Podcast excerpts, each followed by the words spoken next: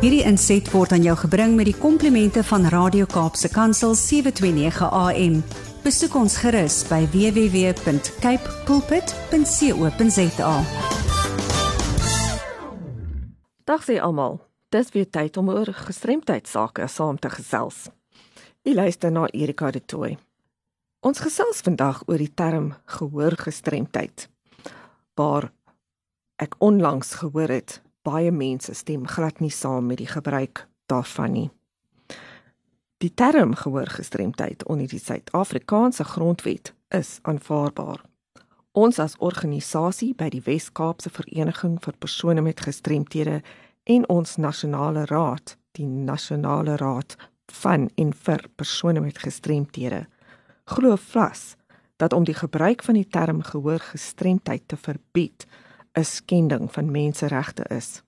Daar is ongeveer 4 miljoen Suid-Afrikaners met 'n gehoorverlies wat nie Suid-Afrikaanse gebaretaal gebruik nie, maar wat hoofsaaklik van ondersteunende gehoorapparate en tegnologie gebruik maak, asook alternatiewe metodes van kommunikasie en wat erken dat hulle 'n gehoorverlies en 'n gestremdheid het.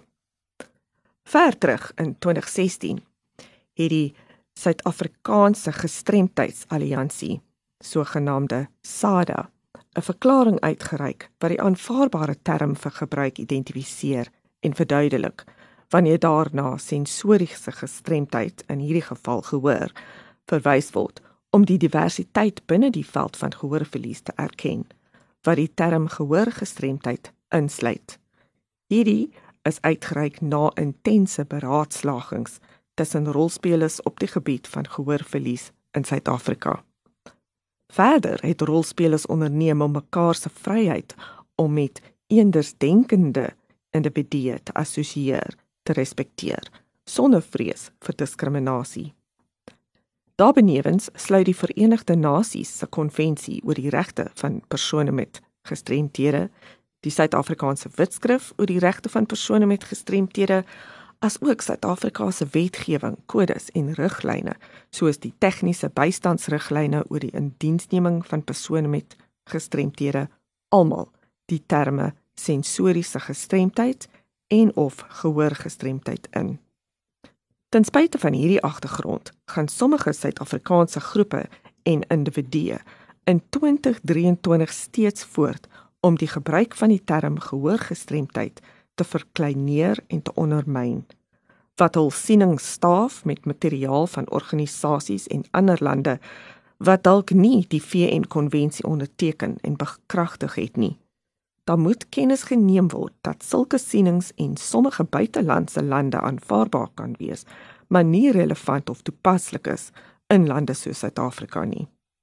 Ons ondersteun die gebruik van die terme sensories gestremd of gehoor gestremd aangesien baie persone met gehoorverlies wat nie 'n gebaretaal gebruik nie, identifiseer as in 'n mindere of meerdere mate gestremd, soortgelyk aan al die ander groepe van persone met beperkings of gestremthede, byvoorbeeld fisies, neurologies, intellektueel en of psigososiale gestremthede.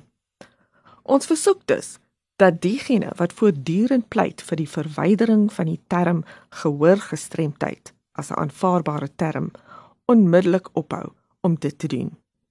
Die versuim om die reg van sekere mense met gehoorverlies toe te laat om hulself as persone met 'n gestremdheid te identifiseer, is strydig met die Suid-Afrikaanse grondwet, spesifiek die Handves van Regte, en dus 'n skending van die individu se menseregte van identiteit en assosiasie. Ons verwerp en veroordeel sulke gedrag ten sterkste. Dit is altyd voordelig om op verskillende standpunte te let, maar in hierdie geval verwar die verwerping van terme wat in die VN-konvensie en SA wetgewing voorkom die algemene publiek, werkgewers en ander belanghebbendes wat 'n geweldige hindernis op die begrip van gestremdheidswetgewing, die proses van redelike akkommodasie en die billike insluiting van alle persone met gehoorverlies. Dit is eenvoudig onaanvaarbaar dat sekere mense probeer om wetgewende terme te verwerk om hul eie agenda te dryf en ander te beïnvloed om dieselfde te doen. Dit is ons program vir vandag, maar weer eens, enige navrae of kommentaar is welkom. Stuur gerus aan my by awareness@wcapd.org.za of skakel my kantoor by 021 355 2881. Hierdie inset was aan jou gebring met die komplimente van Radio Kaapse Kansel 729 AM. Besoek ons gerus by www.cape pulpit.co.za.